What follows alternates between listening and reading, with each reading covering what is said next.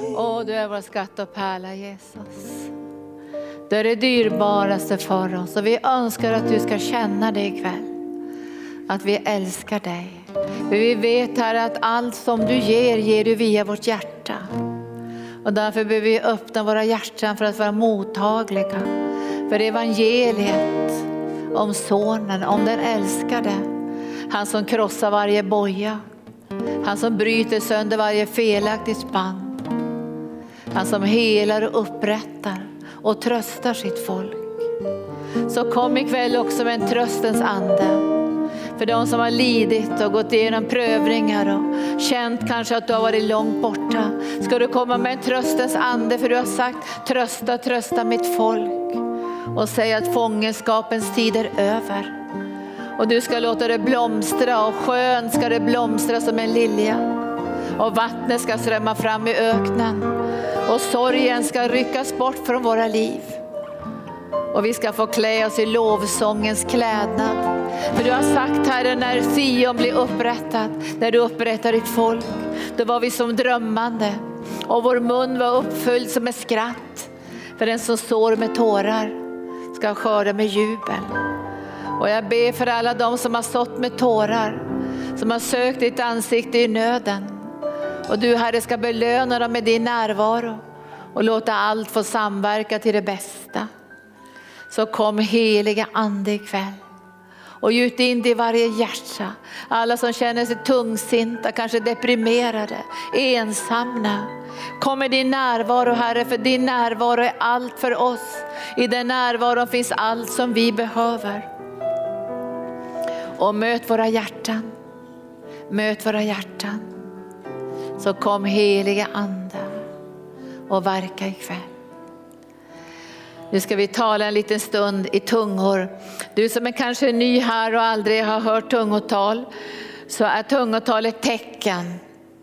Det är ett av de vackraste tecken, det är ett tecken på att Gud är här. För den som talar i tungor talar direkt till Gud.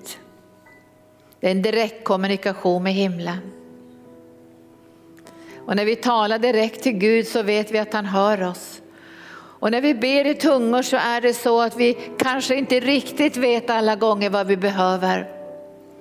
Men anden verkar i oss när vi ber i tungor. Och då kommer anden att mana och lyfta fram just ditt behov ikväll.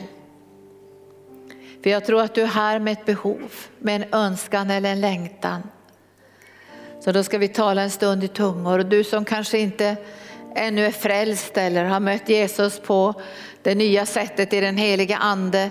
Du får bara säga till Jesus, jag vill att du ska göra det här Jesus. Jag vill att du ska möta mig på det här sättet. Ora marshedi kirosaido koria.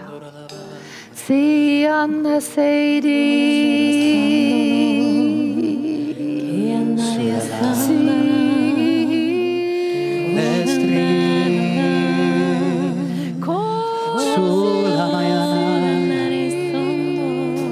Sula na ya na la na la ba na ro na na na Quero sura na na na ro Segura na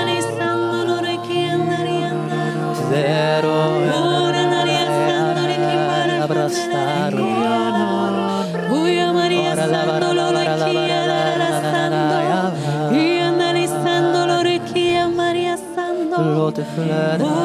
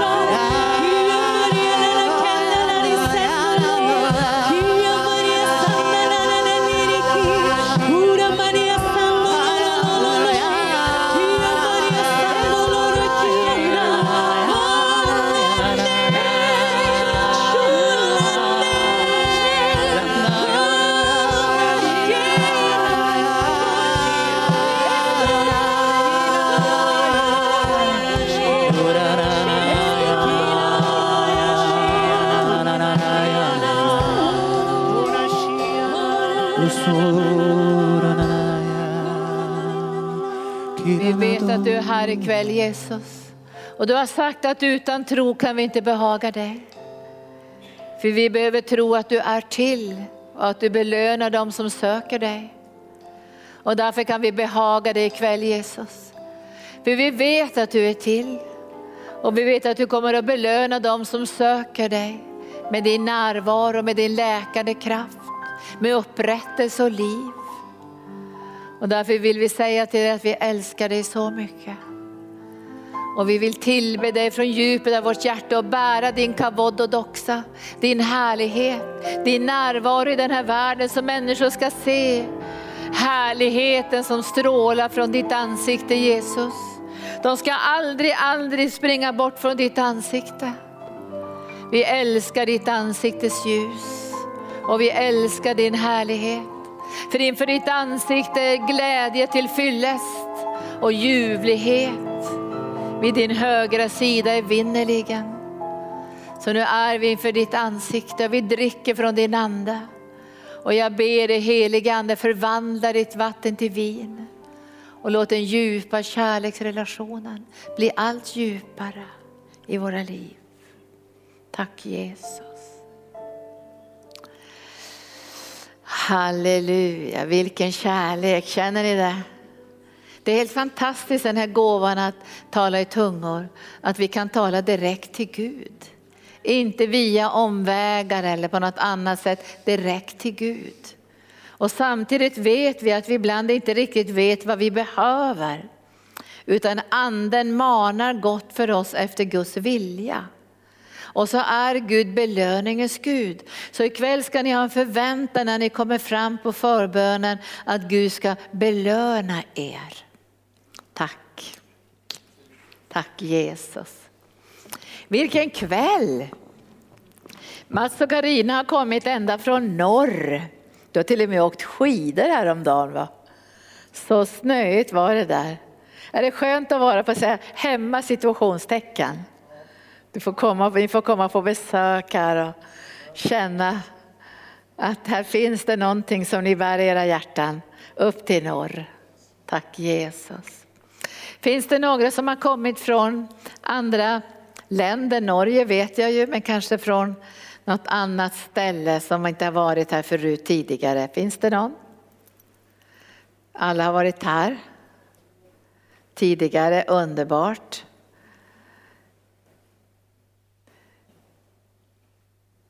Härligt, härligt. Visst var det fin lovsång ikväll? Vi kände att, att Herren håller på att göra någonting och vi har en sån längtan i våra hjärtan att få bära Herrens tunga härlighet.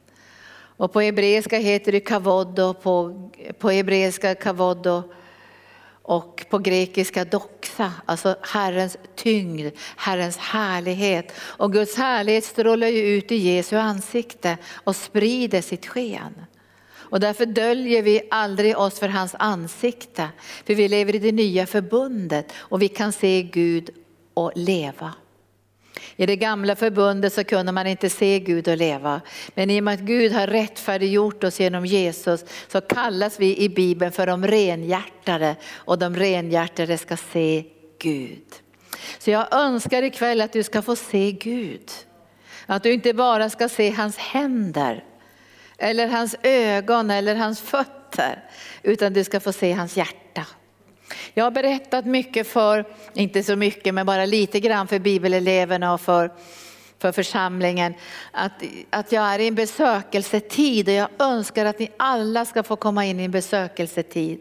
Och är jag en ledare på arken så kommer ni att få gå samma väg. En besökelsetid betyder ju egentligen att Herren kallar på en att stanna kvar lite längre. Många gånger stannar vi ju inte kvar så han hinner verka i våra liv. Visst är det så? Ibland så är vi stund inför Herren och har vi varit en lång stund i lovsången. Men många gånger stannar vi inte så länge inför hans ansikte så att han kan beröra oss. Så att vi också kan få beröra honom och att han kan få beröra våra hjärtan. Och det har liksom skett i mitt liv att Herren har liksom fört in mig i en kärlekens kokong. Det tycker jag är så härligt. Jag ska önska att ni alla bara fick känna den där tajta gudsnärvaron. Som man, man kan inte gå ur den. Alltså ibland är det timmar och jag bara känner jag måste vara kvar, jag måste vara kvar, jag måste vara kvar. Och, och ibland säger han ingenting men det var en närvaro och jag vet nu kommer han att säga någonting. Vad är det han kommer att säga? Vad är det han kommer att uppenbara? Och så kommer den där kärlekssmörjelsen. Jag har ju levt med Herren i många, många, många år och jag har haft olika besökelsetider. Och jag kommer särskilt ihåg besökelsetiderna när Gud uppenbarar sina ögon. Och vi lever ju än i det, när vi fick se en döende värld genom Herrens ögon. Och det födde hela vårt missionsarbete där vi tjänar Herren i många länder över världen. Där han visade sig som en fattig, som en sjuk, som en lidande, som en hemlös och vi fick se världen genom hans ögon. Och jag kommer ihåg så väl att jag fick se Jesus på pappkartonger i lådor. Han hade, han hade ingenstans att bo, han var sjuk, han var sargad, han var hungrig, han var törstig. Och när vi väl kom till Filippinerna så var vi ute på gatorna och gav människor mat och där låg spädbarnen på pappkartonger. Och det var som att vi fick se världen genom hans ögon. Vi fick också se behoven i människors liv genom hans ögon. Vi fick se det här som står i Matteus 9 att skörden är stor och arbetarna är få och skörden är en riven och slagen och härjad skörd därför de har förlorat sin herde och gått vilse. Och Gud visade oss det och då fick vi den här platsen och vi är väldigt rädda om den här platsen. Och vi önskar att du ska älska den här platsen och vara med och stödja oss också att kunna fortsätta och genomföra kallelsen. Och Herren kallade oss och sa, bered en plats för mig, sa Jesus, så jag kan bota människor. Bered en plats för mig så jag kan utrusta mitt folk i helande tjänsten. Och då kom bibelskolan till och då kom hela vårt helandearbete till. Och då såg vi hans ögon men också hans händer. Och vi älskar hans händer, för i hans händer finns läkedom. I hans händer flödar den ska säga, smörjelsen, den korsmärktes läkedom strömmar genom hans händer. Och vi har fått en sån nåd av Gud, många av oss, utöver hela världen, att vi får använda våra händer. Och nu har jag tjänat Gud snart på heltid i 50 år och jag tänkte, trycker Gud ihop en dag, för det står ju en dag som tusen år och tusen år som en dag. Om han trycker ihop mitt liv i en enda dag, då står jag och ber för någon. Så är det. Därför jag älskar hans händer, jag älskar hans händer. Och han har uppenbarat sina ögon och han uppenbarar också sina fötter möter, hur han vill gå ut och möta människor ut över världen, hur han är i rörelse. Men jag tycker att den här sista tiden, det började någonstans senhösten när Gud började kalla på mig. Han sa stanna kvar, stanna kvar, stanna kvar. Och han förde mig i anden liksom till platser på något sätt där jag aldrig har varit. Och jag förstod att nu var det någonting annat han skulle uppenbara, kanske lite djupare, sitt hjärta. Han uppenbarar sitt hjärta och jag tror att det är otroligt viktigt för den sista tiden nu att Gud får uppenbara sitt hjärta. Därför kärleken kommer att kallna hos de flesta, säger Bibeln. Därför filios kärleken, den mänskliga kärleken är så begränsad, den är så fattig fattig, att den klarar inte av påfrestningar. Den klarar inte av det tryck som vi måste leva under i den här sista tiden. Och ni vet ju att när Petrus mötte motståndet och att han var tvungen att stå för sin kärlek till frälsaren, då nekar han tre gånger att han känner Jesus. Filiokärleken räcker inte. Men i uppståndelsens morgon så kommer Jesus. Han är så godhjärtad. Jag vet, han är så godhjärtad och han uppenbarar sitt hjärta för Petrus. Och han frågar Petrus, älskar du mig? Och då säger han ordet agapar du mig Petrus? Älskar du mig med den himmelska kärleken? Och han måste svara så här lite jobbigt, nej jag filios dig. Jag måste bekänna Jesus att den här kärleken jag har haft, även om den var så stursk och så frimodig, om alla andra sviker det ska jag aldrig svika dig. Om alla andra går ifrån det så kommer jag vara kvar. Men någonstans i sitt hjärta så visste han nu att den kärleken räckte inte till. Vi behöver den övernaturliga agape-kärleken genom Jesu sår och sida. Och tre gånger frågar han samma sak Jesus, älskar du mig? Och till sist får Petrus bara säga, Jesus du vet allt. Du vet hur misslyckat det här har varit. Och mitt i den där kärleken som uppenbaras där mellan Petrus och Jesus så placerar Jesus kallelsen in i hans hjärta. Visst är det gripande? Och där ska jag säga någonting om ikväll. Därför om du inte utgår från hjärtat så kommer du inte att klara den utmaning och den strid och allt det som vi går in i i den här yttersta tiden. Och det är, det är så fantastiskt att se hur Jesus säger, nu ska du vara en herde för mina får. Och nu ska du föra mina lamm på bete. Så då lägger han den här kallelsen som Petrus har i kärleksrelationen. Och det är därför som Gud talar så mycket om den andliga kärleksrelationen och om våra hjärtan. Och jag önskar att jag ska få stanna ännu längre, ännu längre. Jag säger så här, kalla på mig. Häromdagen så tänkte jag, Jesus han kallar inte på mig idag. Så, så kalla på mig Jesus, kalla på mig och då kände jag, mm, nu kallar han på mig igen. Och så fick jag bara gå in i den här närvaron och ljuvligheten av Guds ande. Och jag kände någonstans, vi är på väg allihopa in i det. Vi är på väg in i en starkare smörjelse av under och tecken. Och det såg jag tydligt när jag var i Norge förra veckan, att den här starka agapekärleken som ska utljusas bär med sig under och tecken. För Guds närvaro uppenbaras i under och tecken. Och det ser vi i all Jesu tjänst när han gick på jorden. Det var Guds kärlek som uppenbarades genom honom och så flödade under och tecken. Och när människor var i lidande, sjukdomar och nöd så säger de David, Jesus, Davids son, förbarma dig över mig. Och en man som hade spetälska sa, jag vet att du kan hela, men jag vet inte om du vill. Och man kan liksom höra den där smärtan från hans hjärta när han säger de orden. Och då säger Jesus ett ord, bara ett enda ord, jag vill. Så lägger han handen på den här spetälska och så blir han fullständigt helad. Så ikväll ska vi tala om den här agapekärleken. Och jag kände när jag har kommit in i den här djupa, djupa kärleken eh, som han uppenbarar sitt hjärta gång på gång, så märker jag att det är en smärtans kärlek. Det är inte bara så här underbart att man ligger under kraften och lovsjunger och så här som vi älskar, utan det är en sårmärktes kärlek. Agapekärleken bär sår. Det är en korsmärktes kärlek. Det är en kärlek som uppenbaras genom försoningen. Så vi ska inte missuppfatta det här. Därför när Guds kärlek strömmar, agape-kärleken, så bär den med sig Jesus sår och Jesu lidande. Och det är därför som vi behöver komma in i den här agape-kärleken för att inte förlora den himmelska empatin om man skulle kunna säga så, för en döende värld. Vi får inte vara ytliga.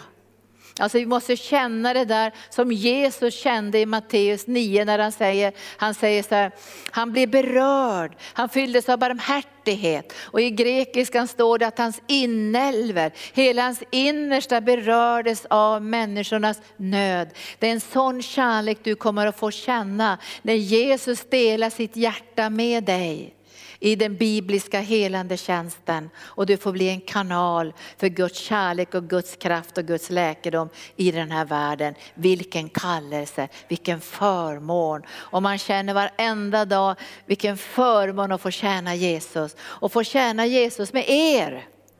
Det tycker jag är härligt. Att vi får tjäna Jesus i den här visionen som Herren har kallat oss på arken. I det här himmelska uppdraget som inte bara är för Norden utan är för många, många platser utöver världen. Och på söndag avskiljer vi två som ska åka ut på team i ja, drygt tio dagar, två veckor nästan, som kommer att åka till Nepal och Indien och föra Guds kraft och kärlek in bland de syskonen. Tack Jesus. Och nu ska vi börja titta i första Moseboken faktiskt. För i, idag när jag liksom sökte Herren så, så var det som att jag fick känna hans så, att säga, nöd i hans hjärta för hela människosläktet. Därför ni vet att i lustgården så så kom ju Jesus och Fadern varje kväll kan man säga, vid kvällsbrisen så brukar han ju komma på besök till Adam och Eva vid kvällsbrisen. Och jag tror de längtade hela dagen efter hans fotsteg, efter hans närvaro. De längtade efter att få dela vad de hade gjort på dagen. De kanske hade jobbat i lustgården, de hade planterat, de hade gjort olika saker. Det var klart att hans närvaro var hela tiden hos dem. Men det är skillnad på Guds närvaro och Guds manifesterade närvaro. Jag känner ju alltid Guds närvaro, men att få känna Guds manifesterade närvaro, det är av en annan, starkare natur. Men jag tror de här första människorna kände hans närvaro hela tiden. Men vid kvällsprisen så kom han och besökte dem. Och då fick de prata med honom allt vad de hade gjort och de fick dela sina hjärtan. Och det var samma den här kvällen. Och det står i första Moseboken kapitel 3, versen 8. Vid kvällsbrisen hörde de Herren Gud vandra i lustgården. Han vandrade omkring och tänkte, undrar var de är någonstans. Undrar var de är någonstans nu. Och ibland får Gud undra det här i ditt och mitt liv. Var är du någonstans? Och då frågar inte han, var är du? Är du i Göteborg eller i Kungsängen? Han frågar, vad är du i ditt hjärta? Och jag har sett många människor som har kommit till Gud och jag har sett många människor som har gått ifrån Gud och det börjar alltid i hjärtat. Man går inte vilse på en vecka. Det händer något i hjärtat. Man börjar gå vilse i hjärtat, man tar steg i hjärtat. Och sen syns det på utsidan. Och det värsta som syns på utsidan är att man är naken. Det märks att man är naken och man känner att men jag är ju naken, jag har ju förlorat någonting av det som jag älskar allra mest. Men nu måste du och jag veta idag att vi har fått den heliga ande som aldrig någonsin kommer att lämna oss.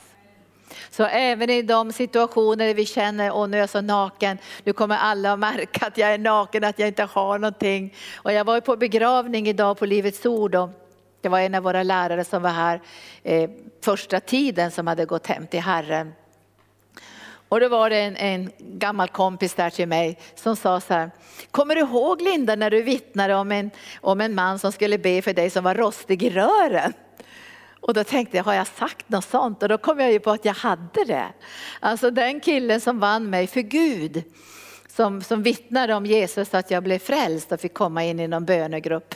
Han, han, jag kom i nöd där i, i början där i min vandring så hörde jag inte så bra från Gud och jag kände att det var så jobbigt så jag, jag gick till honom och sa, men du, du har ju fört mig till tro, du, du har, himlen är ju öppen över dig sa jag. Så snälla du be för mig i tungor och profetera eller vad som helst så jag får höra från himlen. Och så började han be för mig i tungor, men han är också hemma hos Herren nu.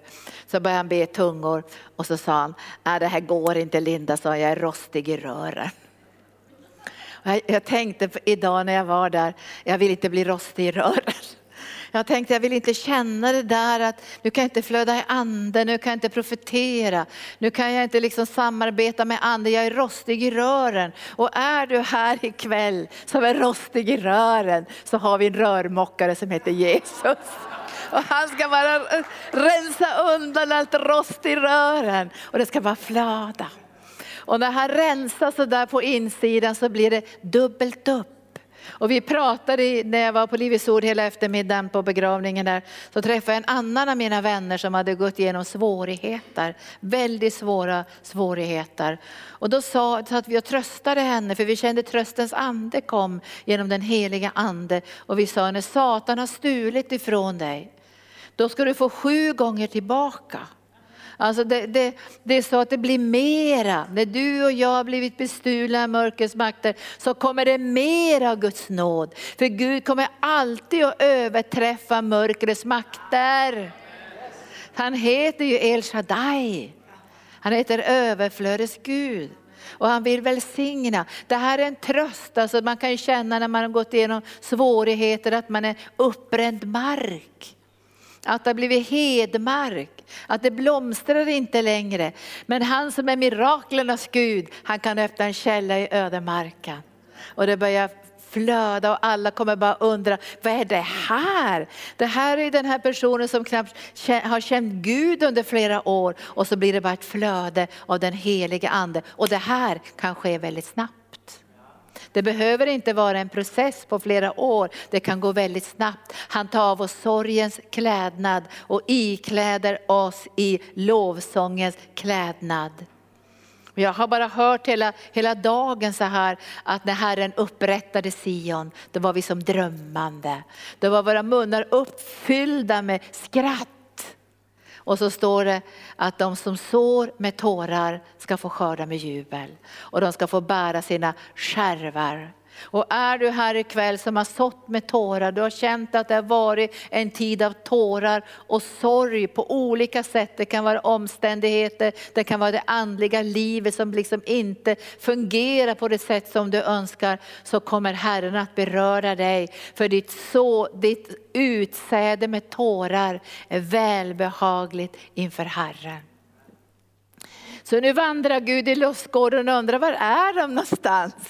Och han tittar lite här och där och, och så säger han så här, så står det så här, vid kvällsprisen hörde de Herren Gud vandra i lustgården och mannen och hans hustru gömde sig för Herren Guds ansikte bland lustgårdens träd. De gömde sig för Guds ansikte, inte för Guds händer, inte för Guds fötter, för hans ansikte. Och det ska vi aldrig någonsin gömma oss för Guds ansikte. Och då stod de gömde sig där bland träden. Men Herren kallade på mannen och sa till honom, var är du? Var är du någonstans? Och jag tror att Herren, han låter de orden också träffa våra hjärtan ikväll. Men jag tror att Herren, Herrens ord träffar mänskligheten ikväll. Var är du? Var är du någonstans? Var har du kommit? Var har du kommit någonstans med ditt liv?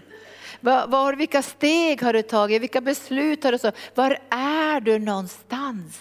Och jag tror Herren frågar dig, var är du någonstans? För jag tror människor önskar egentligen att bli funna av Gud. Jag tror det. Där ska vi titta ikväll på agapekärleken. Vi, vi kan, han kan finna oss, men vi lo, måste låta oss bli funna av honom. Vi måste ge vårt gensvar och vårt tack till honom. Tack att du fann mig. Och jag tänker aldrig mer lämna dig. Och Paulus säger ju så här att, att allt han hade innan var bara avskräde och nu hade han blivit funnen i Jesus Kristus. Inte med sin egen rättfärdighet, den som kom av lagen utan den som kom av nåden. Rättfärdigheten genom tron.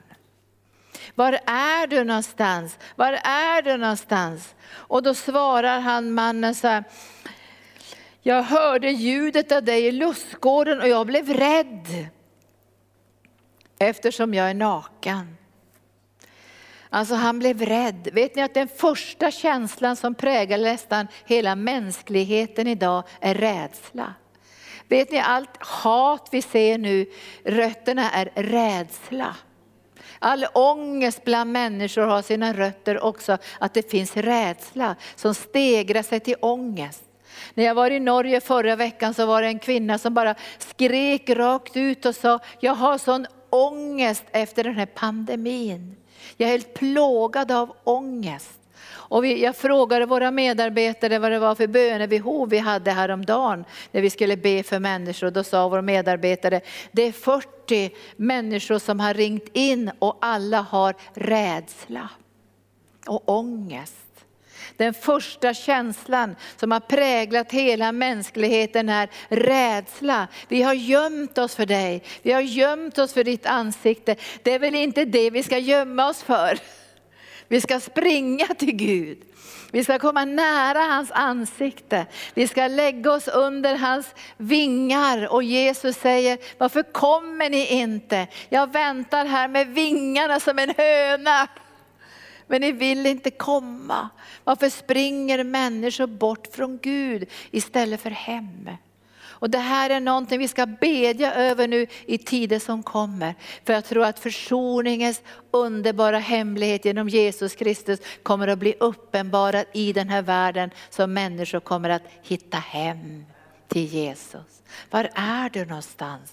Men jag, jag är naken, jag, jag är naken. Det var därför jag gömde mig. Och då kan ni läsa fortsättningen. Vem har berättat för dig att du är naken? Och här blir det ett samtal om själva fallet, den förlorade andliga kärleksrelationen. Allt gick förlorat. Relationen, Guds närvaron, tryggheten. Alltså allt det här som de fick via kärleksrelationerna, kunskap och visdom. För det står att alla kunskapen och visdomens skatter är dolda i Jesus. Allt gick förlorat. Och jag läste och såg, det var så sorgset att läsa att Herren säger i vers 23, och Herren Gud skickade bort dem från Edens lustgård för att bruka jorden som, som de tagits ifrån. Och han drev ut människorna öster om Edens lustgård och så satte han keruberna och det flammande svärdets lågor för att bevaka vägen till livets träd. Han drev ut människorna ur lustgården. Och jag kände idag när jag var inför Herren, det här var den djupaste, djupaste smärta någonsin som har berört Guds hjärta. Att förlora kontakten med mänskligheten och den andliga kärleksrelationen. Det är därför som Guds hjärta är fyllt med smärta. Så det är båda delarna, det är en outsäglig glädje och det är en outsäglig smärta. Och genom agapekärleken får du del i båda sidorna av Guds väsen. Gud är kärlek och vi ska titta bara kort på vad är kärlekens väsen? Det är inte så att Gud har kärlek. Ibland tänker man så här, Gud har kärlek och det har han ju. Men Gud är kärlek. Alltså det är inte bara så att Gud har kärlek som han berör oss med, utan hela Guds väsen är kärlek. Gud är kärlek. Och då behöver du och jag veta, vad är det för något i den här kärleken? Hur uttrycker sig den här kärleken? Vad berättar den här kärleken för hela människosläktet? Och det här kan vi ju på ett sätt, för vi har ju läst att så älskade Gud världen att han gav sin enda son. Medan vi ännu var syndare, medan vi ännu var skilda ifrån Gud, när vi, när vi ännu var vilsegångna får, sargade och nedbrutna, då älskade han världen och oss så mycket att han sände det dyrbaraste av det dyrbaraste in i den här världen, det är agapekärleken. Och den agapekärleken måste uppenbaras på olika sätt genom Jesus Kristus. Därför lägger vi ner våra liv. Och därför sjöng vi den här sången ikväll. För den här världens skull så lägger vi ner våra liv. Och då säger han att han älskade världen så mycket att han gav det enda dyrbara, det vackraste, det finaste in i den här världen, sin enda son för att rädda världen. Han har gjort allt. Han kan inte göra något mer. Han har gjort allt. Och därför är det så smärtsamt att tänka att han som har gjort allt, han som har burit alla sjukdomar, all smärta, allt lidande, betalt priset för hela mänsklighetens synd och ändå kommer många människor gå förlorade. Är inte det tragiskt? Alltså de kommer att gå förlorade därför att de inte har sagt sitt ja till frälsaren. Och därför ska du, jag säger ikväll till dig, var rädd om ditt vittnesbörd, bevara ditt vittnesbörd. Bevara också Guds närvaron i ditt liv så att du inte blir rostig i rören. Så att du har nära till Jesus. Så du kan berätta för människor om din kärlek. Så du kan erbjuda dem att du kan sammanföra dem med Jesus. Och du kan lägga dina händer på dem. Och du kan beröra dem med Guds kärlek och jag vet att Herren kommer att uppenbara sitt hjärta och de kommer att gråta, de kommer att öppna sig, de kommer att bli berörda och de kommer att bli förvandlade och de kommer att hitta hem. Ibland när människor dör så säger man att de har gått bort. Och då skulle jag undra om jag var ung, vars då? Har de gått bort? Till vad då? Till vad? Det säger inte vi som kristna att vi har gått bort. Vi säger att vi har gått hem. Det, det, är inte främmande i himlen förstår ni. Därför du har redan himlen på insidan. Du har redan Herrens närvaro, Herrens härlighet. Du känner redan nu kerubernas lovsång och serafernas tillbedjan. Du har redan himmelriket mer eller mindre på insidan. Du är inte främmande för det himmelska. Och därför kommer inte du att känna heller när du kommer in i den himmelska världen att du är en främling. Utan du kommer att känna äntligen hemma. För du är bara en pilgrim på väg mot himlen. Och därför säger Paulus att han är på väg mot himlen, sin kallelse till himlen. Han visste det kallelsens mål är den himmelska världens härlighet, agapekärleken. Gud är kärlek och nu ska vi se hur den här kärleken uttrycker sig. Jag hör ju ibland människor tala om Guds kärlek och det blir nästan någonting fel. Det, det blir liksom någonting halvmänskligt eller utspätt eller nästan lite vad som helst. Vi får skilja på filiokärleken och agapekärleken. För agapekärleken är sårmärkt. Den bär korsets tecken. Och då står det ifrån första Johannes brev ska vi läsa ifrån kapitel 4. Vi ska läsa några verser här ikväll. Och sen har vi många förebedjare här som kommer att betjäna. De är avskilda. De är avskilda för Herren, de är tränade. Och de kommer att lösa ut den här agapekärlekens kraft i ditt liv. Och bojor kommer att brista. Ångest kommer att släppa. Psykisk ohälsa kommer att släppa.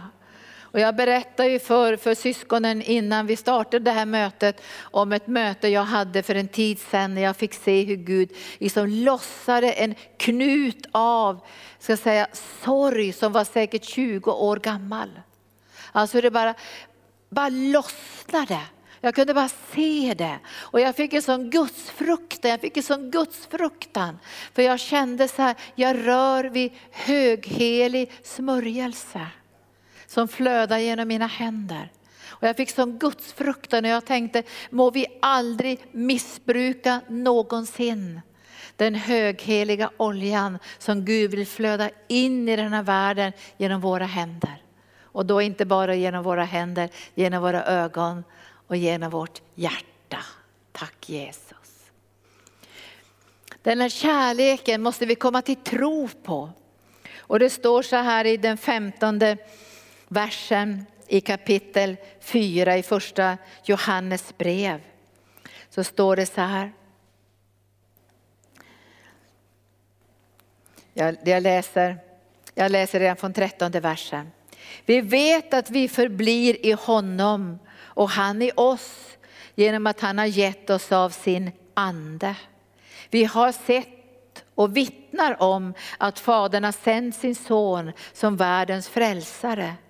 Om någon bekänner att Jesus är Guds son förblir Gud i honom och han själv förblir i Gud. Vilka ord! Och vi har lärt känna den kärlek som Gud har till oss och vi tror på den.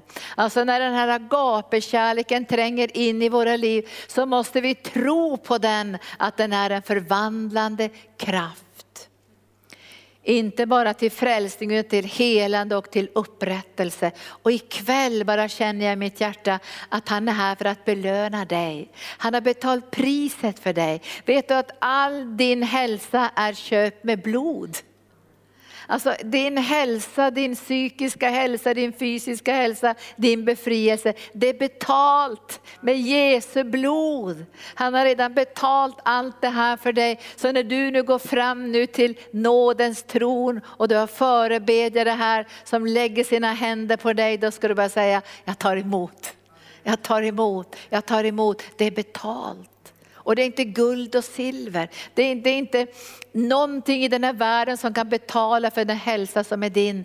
Det är bara Jesu blod som har betalt din hälsa. Och därför kan du med frimodighet gå fram till nådens tron.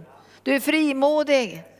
För du vet någonstans att om han inte ens har skonat sin enda son, skulle han då inte ge oss allt tillsammans med honom.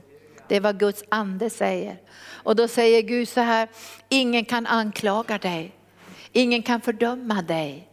Ingen kan liksom kasta hårda ord mot dig därför att konungarnas konung har frikänt dig. Och han är i det allra heligaste på ett fysiskt sätt och ber för dig. Att allt det han har gjort för dig ska komma dig till del. Och ibland kommer det bara som en nådegåva med kraft som jag såg med den här mannen. Så den här smärtan lämnade honom. Ibland så sker det etappvis och jag vet inte varför. Det verkar som han ibland vill nå in i hjärtat på något sätt. Tala till våra liv på ett djupare plan för att också hjälpa oss att behålla det som han för in i våra liv. För det är så dyrbart och vi får inte kasta bort det. Vi får inte sälja det för en linssoppa utan det måste bli ett sigill i den heliga ande när anden vittnar och säger det är ditt. Det är ditt på grund av Jesus. Och då står vi måste tro på den här kärleken, att den har kraft att förvandla. Och därför behöver vi höra också Guds ordet gång på gång. Den här kärleken är en korsmärkte kärlek som har köpt allt för att du ska få del av himmelens välsignelser och rikedomar. Det är vår Herre. Och då får vi tro på den här kärleken och så står det Gud är kärlek. Alltså Gud är själva kärleken och det måste vara en otrolig smärta för Jesus att se hur hela hans vackra skapelse håller på att intetgöras. Hur allt det här vackra, den här mångfalden, arter, blommor, fåglar, hur mörkrets makter sargar och ur den här skapelsens smärta föds det en lovsång där lovsången säger, jag vill komma ut till Guds barns frihet. Och därför har vi en kallelse på våra liv vänner att leva i friheten. Vi måste inta friheten, älska friheten, manifestera friheten för Jesus skull. För hans skull intar vi friheten. Och därför brukar vi sista mötet i, i den här konferensen, Jesus helar och upprättar, så dansar vi på ormens huvud. Vi dansar, vi jublar, vi proklamerar den seger som är betald och köpt för vår räkning. För, för den här världens skull behöver vi inta friheten och du måste veta ikväll att den är din. Så du får ta ett trosteg tillsammans med Jesus och säga, nu tänker jag inte acceptera längre att ha den här bojan av mörker och ätstörningar och ångest och ADHD som ska styra i mitt liv. Allt måste lägga sig under Jesu fötter för det är redan lagt under hans fötter. Så står det i Hebreerbrevet. Det är redan lagt där, det är redan lagt där. Det står Gud är kärlek och så säger den som förblir i kärleken förblir i Gud. Den som förblir i Agape kärleken. Och jag har tänkt mycket de här sista åren på att många saker vi har gjort för Herren har försvunnit. Alltså hus har blåst bort, det har blivit en orkan och så är husen borta. Eller det händer saker i krig så att det man har byggt upp går sönder. Det finns inte kvar. Och då tänker man, kommer det inte finnas kvar någonting av allt det här vi har gjort för Jesus? Och då sa han, ja han sa, om du lägger i mitt hjärta så finns det kvar. Det finns kvar. Allt det du har gjort för Jesus, allt det du har tjänat tillsammans med honom och det har varit praktisk tjänst, predikotjänst, Allt det finns kvar när du har lagt det i hans hjärta. Och en dag kommer du få se i evigheten allt som du tillsammans med Jesus har förverkligat i den här världen. Men utan Jesus blir det ingenting. Och jag läste första Korinthierbrevet, även om du bränner upp din kropp och offrar den så är det ingenting utan agapekärleken. För Gud har kallat oss att leva och göra allt utifrån hans hjärta. Och det verkar som att man kan ha tro utan Jesus. Det hade djävulen. Han säger till Jesus så här, du kan ta de här stenarna och göra dem till bröd. Men du behöver inte ha relationer med Fadern, du kan göra det själv. Ni ser här att, att om man så skulle tala änglars språk, ha all tro, kan se framtiden, ha mycket kunskap, utan agapekärleken är det ingenting. Därför det måste utföras och genomföras i den andliga kärleksrelationen. Därför betonar vi hans hjärta. Och vi önskar att du ska få känna hans agape-hjärta. För han säger om du förblir i kärleken, då förblir du i Gud. Och Gud förblir i honom, alltså stanna kvar. Alltså du får den här manifesterade närvaron. Och jag känner i mitt eget liv att jag, jag nöjer mig inte riktigt bara med närvaron. Jag måste känna den manifesterade närvaron. Jag måste få känna det där när han börjar tala, när han börjar visa, när han för mig till platser i anden som jag inte har varit i, när jag känner hur ordet blir levande och jag ser saker på ett nytt sätt. Jag tror Herren längtar efter sin brud och får dela sitt hjärta. Han hungrar och törstar efter sin brud och han kallar oss till och med vänner. Han säger vännerna får reda på vad jag gör och jag tror att vi som församling här i arken i alla fall kommer att få ett sånt enat hjärta att vi kommer att höra samma sak. Han kommer att tala till oss, han kommer att beröra oss, han kommer att ge oss en förnyad drivkraft. För Paulus säger Kristi kärlek driver mig. En har dött för alla, därför har alla dött. Och sen står det i 17 versen att kärleken har ett mål. Alltså kärleken uppenbarar försoningen. Och jag läste inte tionde versen men det står så här, detta är kärleken, inte att vi har älskat Gud utan att han har älskat oss och sänt sin son till försoning för våra synder. Detta är kärleken, att han har älskat först. Alltså agapekärlekens uttryck och väsen när han har älskat först. Så du och jag kan inte komma till Jesus och säga, jag har älskat dig först. Nej, han har älskat oss först och han har utgjutit sin agapekärlek i våra hjärtan står det i Romarbrevet 5 och 5 och därför kommer vi aldrig på skam. Hoppet kommer aldrig på skam, för Guds kärlek är utgjuten i våra hjärtan. Och vi har frimodighet inför domens dag. Mina barnbarn måste ha hört fel. Därför min dotter ringde och sa, de hade hört helt snurrigt faktiskt, för de trodde att jag sa att Jesus skulle komma tillbaka innan 2023. Det är ganska snart det var. Så de måste ha hört väldigt fel, för jag, jag, men om han skulle komma så Tack Jesus. Han är alltid välkommen. Men det här måste de ha hört fel för det skulle jag aldrig ha sagt 2023. Vi hinner inte planera någonting och jag ska till Filippinerna, jag ska till Israel och jag ska ut över världen. Men vill han komma så säger jag välkommen, välkommen, vi älskar honom så mycket. Men det där var lite snurrigt. Men så säger han så här, så här att vi har frimodighet inför domens dag. Alltså vi har ingen rädsla inför domens dag. För det är den här agapekärleken som för Gud dig och mig till belöningens tron. Och det var den som Paulus hade sett när han säger, jag jagar mot målet för att få segerkransen. Alltså han jagade mot evigheten för han längtade så efter lönen.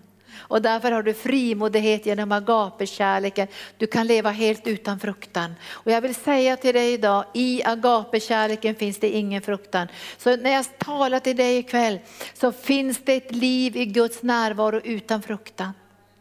Det finns ett liv utan ångest, utan fruktan, utan rädsla, utan oro i agapekärleken. Och därför ska du och jag få tro på den agapekärleken för att få dela det här livet som vi egentligen är skapade för att leva i den här starka, gudomliga kärleken som är både tålig och mild. Som inte avundas, som inte hyser agg som, som har en renhet i sitt väsen, som tror allt, som hoppas allt och som uthärdar allt. Och man tänker hur ska Gud kunna uthärda allt det här trasiga? Men du och jag får vara med och hela, är inte det fantastiskt? Vi får vara med som kanaler in i den här världen. Och då säger han så här, vi har frimodighet på domens dag, för som han är, är också vi i den här världen. För det finns ingen rädsla i kärleken. Och nu förstår ni varför Gud vill uppenbara den här agapekärleken i sin fullhet. För han vill inte att vi ska, kristna ska leva i den här världen fyllda med fruktan. För det är vi som ska berätta för människor, det finns ett liv utan fruktan. Det finns ett liv i en andlig kärleksrelation. Det finns ett liv där du och jag får kasta alla våra bekymmer på Herren. Det finns ett liv där vi kan få en frid som övergår allt förstånd i agape, kärlekens olika uttryckssätt och där är vi hemma. Vi är inte hemma i fruktan, vet ni det? Vi är inte hemma i fruktan. Jag hade ju svår posttraumatisk stress när jag var ofrälst och bodde i Afrika. Jag på att bli skjuten där vid ett tillfälle och hade k-pisten i huvudet och fick posttraumatisk stress och jag fick gå till psykiater, till psykolog och försöka få hjälp och bearbeta det här traumatiska jag varit med om. Och jag fick massor med tabletter, massor med tabletter. Det var inte lite tabletter. Jag fick sömntabletter och nervtabletter och hur många tabletter som helst. Ibland bara kräktes jag upp alla tabletter. Det hjälpte inte, för det här kom från en annan källa som inte psykiatrin och läkare kunde bota. Men i agapekärleken försvinner all fruktan. I agapekärleken löses den här fruktan och rädslan upp och, och den här paniken och, och hemska känslor när man får den här panikångesten. Har jag haft det någon gång? panikångest när man känner nu håller jag på att dö, jag har fått hjärtklappning. Eh, jag, vad ska jag göra? Jag ska springa till, till läkare. Och när jag åkte från Kongo så flyttade jag ett tag till Cote d'Ivoire också, Elfenbenskusten. Och när jag var på hotellet så fick jag en sån här fruktansvärd ångestattack. Jag fick en ångestattack så jag tänkte jag kommer att dö när som helst, kommer att dö när som helst. Och det hade jag sett där i Abidjan, där huvudstaden i Cote d'Ivoire, att det fanns ett litet sjukhus i närheten. Och jag sprang som en galning till det där sjukhuset, hoppade över alla patienter, rev upp dörren till läkaren och sa, jag håller på att dö. Och så sa han till mig, det tror jag inte, sa han. Har du sprungit? Ja, från hotellet. Ja, men då är det ingen fara, sa han. Och så skrev han ut en massa nya mediciner. Men tänk att få möta agapekärleken och veta i den fullkomliga kärleken finns det ingen fruktan. Då får vi djupen, höjden, längden, bredden och blir helt uppfyllda av all Guds fullhet. Och ikväll känner jag att du ska göra uppror mot fruktan. Du ska säga, vi inte har den längre i mitt liv. Jag tänker säga nej till det här. Jag ska i alla fall börja en vandring i tro att jag kan leva utan fruktan. För det står så här att Ingen rädsla finns i agapekärleken, eller i kärleken står det, utan den fullkomliga kärleken, det är agapekärleken, driver ut all rädsla. Du vet Gud fick driva ut Adam och Eva ur lustgården. Nu har han tagit till dem till sitt hjärta genom den sonen som gav sitt liv. För att nu är det inte han driver inte ut människorna längre, han driver ut fruktan som kom in i syndafallet. Den fruktan driver han ut genom den fullkomliga kärleken, för den är uppenbarad i sonen i evangelium. Evangelium handlar om Jesus. Det här är den yttersta formen av kärleken. Och ikväll ska vi lösa ut den här kärleken över ditt liv. Och har du fruktan, missmod, depression, du bär på bördor, du ska inte bära på bördor. Han ska bära bördorna. Du får bära den del av oket som är milt som är fyllt med tröst och liv och glädje och hälsa till andra människor. Men det är bara han som orkar bära det svåraste av svåraste. Och i Getsemane så bar han all din rädsla. Alltså han bar så mycket ångest, ni har läst om det. Att det var en sån ångest som jag tror ingen av oss har känt.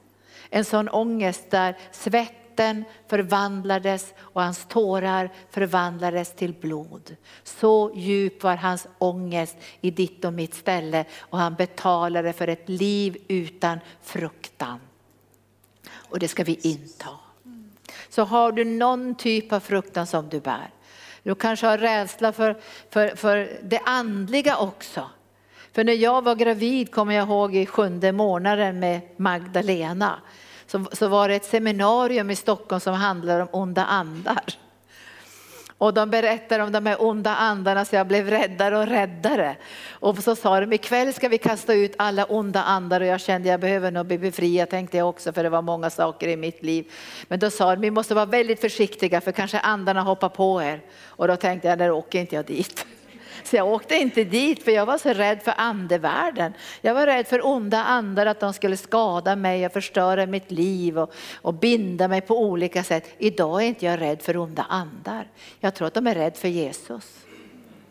Och Jesus bor i dig och mig. Och därför finns det en rädsla i andevärlden mot Jesus. Men du ska inte ha den rädslan. För du har Guds beskydd. Och han har sagt så här och han säger det igen, du ska trampa på ormar och skorpioner, fördriva hela fiendens härskara och han ska inte kunna göra er någon skada. Amen. Ska vi ge honom en riktig kärleksapplåd. Tack Och vi får Jesus. tacka pastor Linda här Eh, och vi får tacka alla er som varit med på kanal 10. Eh, vi kommer att fortsätta imorgon ju och vi har också barnmöte imorgon kväll och på söndag morgon. Så att eh, ni är välkomna hit på plats. Men tack för ikväll. Vi fortsätter mötet här inne i salen. Så tack. Så ni på kanal 10 är med en liten stund här och vi ska lösa ut den här ljuvliga smörjelsen. Jag önskar att du ska komma i den här kokongen. Alltså man blir så beskyddad där också. Alltså det bara, Oh, det bara rinner av en alla möjliga grejer för man bara känner närmare, närmare, närmare, närmare, närmare. Och sen när man har varit där kanske en timme, två timmar så känner man, kalla på mig! Kalla på mig, prata till mig Jesus, bara stanna kvar säger Jesus, ska känna min närvaro, min smörjelse. Och det mest underbara, ljuvliga, härliga är när plötsligt upplåter skriften. Och du bara ser saker som du aldrig har sett. Och pastor Gunnar och jag har pratat om, hur kan man få någonting nytt efter 50 år?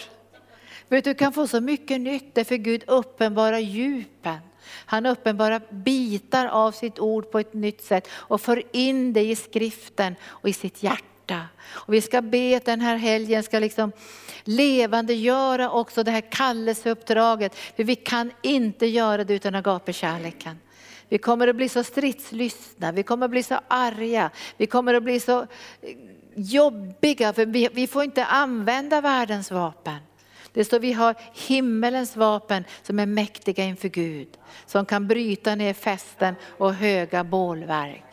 Så vi måste tänka om här. Någon måste börja flöda i agapekärleken för att vi ska kunna få en förändring i den här mörka, hårda, kärlekslösa världen. Och jag tror vi ska vara bärare av mer av den här tyngden. Den här tyngden. Och ibland läser man, jag hörde Heidi Baker, jag träffade Heidi Baker, jag har jobbat med henne lite grann, ni vet vem hon är. Hon jobbar mycket med syskonen i Reading. Och jag var på ett möte med henne och då berättade hon om en ung flicka i Afrika som hade fått kallelse från Gud att älska sina fiender. Inte bara på håll så att hon skulle be för dem, hon skulle vara ibland dem och älska dem och de dödade henne. Men det blev ett martyrium. Det blev ett blod som blev utgjutet som banade vägen för de här människornas frälsning. Och när jag hörde det så tänkte jag, Jesus jag är inte där än. Jag är inte där än, men jag skulle önska att jag kom till en plats en dag tillsammans med Jesus där jag kunde älska, nu talar jag på riktigt, mina fiender. Och att denna gapekärlek löses in i de hårdaste av hårdaste hjärtan. Och då kanske man tänker ikväll, är det möjligt? Det är möjligt. För Paulus säger jag var hård, jag var kärlekslös, jag var en förföljare av Guds församling, jag dödade människor i Guds församling. Jag var som ett ofullgånget foster. Men Gud uppenbarade sin nåd på mig och sin barmhärtighet och han blev fullständigt förvandlad. Vad kan inte agapekärleken göra? Vad kan den inte bryta igenom? Vilket pansare är för hårt för den agapekärleken? Ingenting. För ingenting kan skilja oss från Guds kärlek. Och då räknar han ju upp andevärlden, sjukdomar, ångest, fara och svärd. För nu ser vi svärd i Ukraina, hur det vackra städer om intet görs. Men vi vet också att kärleken kan inte separera människor från Jesus, inte ens i kriget. Så vi kan manifestera Guds närvaro, känna hans tröst och hans närvaro i livets alla omständigheter. Så nu ska vi be förebedjarna komma fram och lovsångarna. Och vi är så tacksamma Jesus. Vi är, vi är, så tack, är vi inte tacksamma? Alltså vi bara känner tack Jesus, tack Jesus, tack Jesus, tack Jesus. Vi är så tacksamma att vi får ha hans närvaro den här kvällen och hans kärlek. Och nu kommer de här förebedjarna att flöda med den heliga ande och jag ska gå ner nu bara för att ni ska få känna extra trygghet ni som ska ta emot förbön ikväll. Så lägger jag mina händer på, tack Jesus, på er. Tack Jesus. Visst är det härligt med förebedjare? Den här bibelskolan tränar ju förebedjare som ska flöda i kärleksmörjelsen. Och nu ska de flöda ikväll och ni har, de ber två och två, är det så? Två och två. Och det ska bli ett flöde, tack Jesus. Låt det bli under och tecken ikväll. Låt kärleksmörjelsen bryta genom det hårdaste pansar av ångest och svårmod och sorg. Kärlekssmörjelse. Ge tro att vi kan få bli fullständigt fria från all den fruktan som präglar den första människan i lustgården, som gömde sig för ditt vackra ansikte. Vi kommer aldrig gömma oss för ditt ansikte Jesus. Vi älskar ditt ansikte, dina ögon, ditt hjärta, dina händer, dina fötter. Att få se dig och bli delaktig tillsammans med dig, att bli ett svar in i den här världen. Så jag ber dig helige ande för alla förebedjare. Rösta dem nu med andens nio nådegåvor. Rösta dem med kärlekens genombrottssmörjelse. Så ångest, psykisk ohälsa, ängslan, oro, sorg får böja sig i det namn som är det dyrbaraste och vackraste namnet. Tack Jesus. Åh, tack Jesus. Vilken smörjelse, ni bara känner det. Vi kan bara skratta nu. Tack Jesus för smörjelsen. Åh, det, tack Jesus. Åh, vi sår med tårar men vi skördar med jubel. Tack Jesus. Åh, vi prisar dig Jesus. Bara kom heliga ande. Alla andens nio nådegåvor ska flöda ikväll. Och Guds hjärta ska öppnas för att lösa in den gudomliga gapesmörjelsen. Halleluja, tack Jesus. Oh, tack Jesus, tack Jesus. Åh, oh, det flödar, det flödar, det flödar. Coraseria, Kebrosoria, Atrosa, Atrosa, Atrosa, Atrosa. Korasentoria, Endrosentostria, Kilosoria. Åh, oh, bara flödar. Halleluja. Tack Jesus, tack Jesus. Åh, oh, bara flöda, flöda. Karomasi, karomasi, karomasi. Åh, karomasi, det flödar. Det flödar som levande vatten. Så flödar det från Guds hjärta. Kom helige Ande. Åh, oh, oh, det flödar. Det flödar så vackert. Åh, det flödar så vackert. Det är En ström som kommer Halleluja. Tack Jesus, halleluja, tack Jesus. Åh, oh, det flödar, det är så vackert. Det är så vackert, det är så vackert, det är så vackert.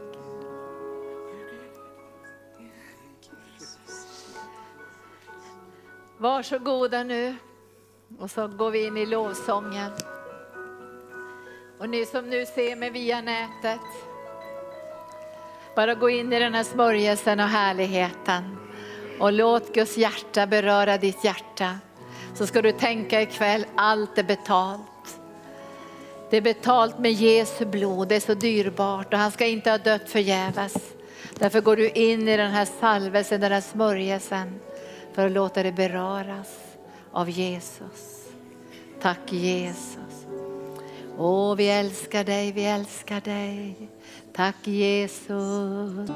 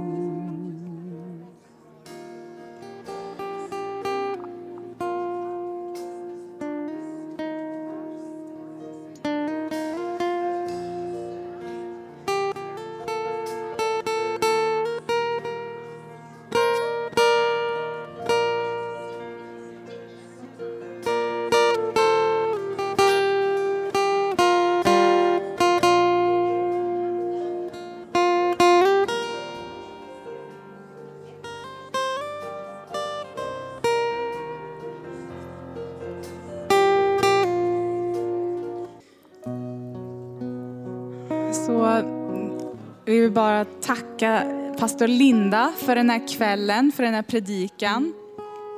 Och vi bara ber att alla orden som hon har talat ikväll ska få stanna i våra hjärtan. Den här agapekärleken, den här elden, branden efter Guds kärlek och efter att lära känna Jesus själv. Och vi bara välsignar er allihopa och jag tackar er och, eh, för att du har varit här ikväll. Och eh, vi hoppas att vi ses imorgon klockan 10 också på flödesbön. Så börjar vi avrunda här så tar vi en lovsång. Så tack så mycket för första mötet på Jesus helar och upprättar.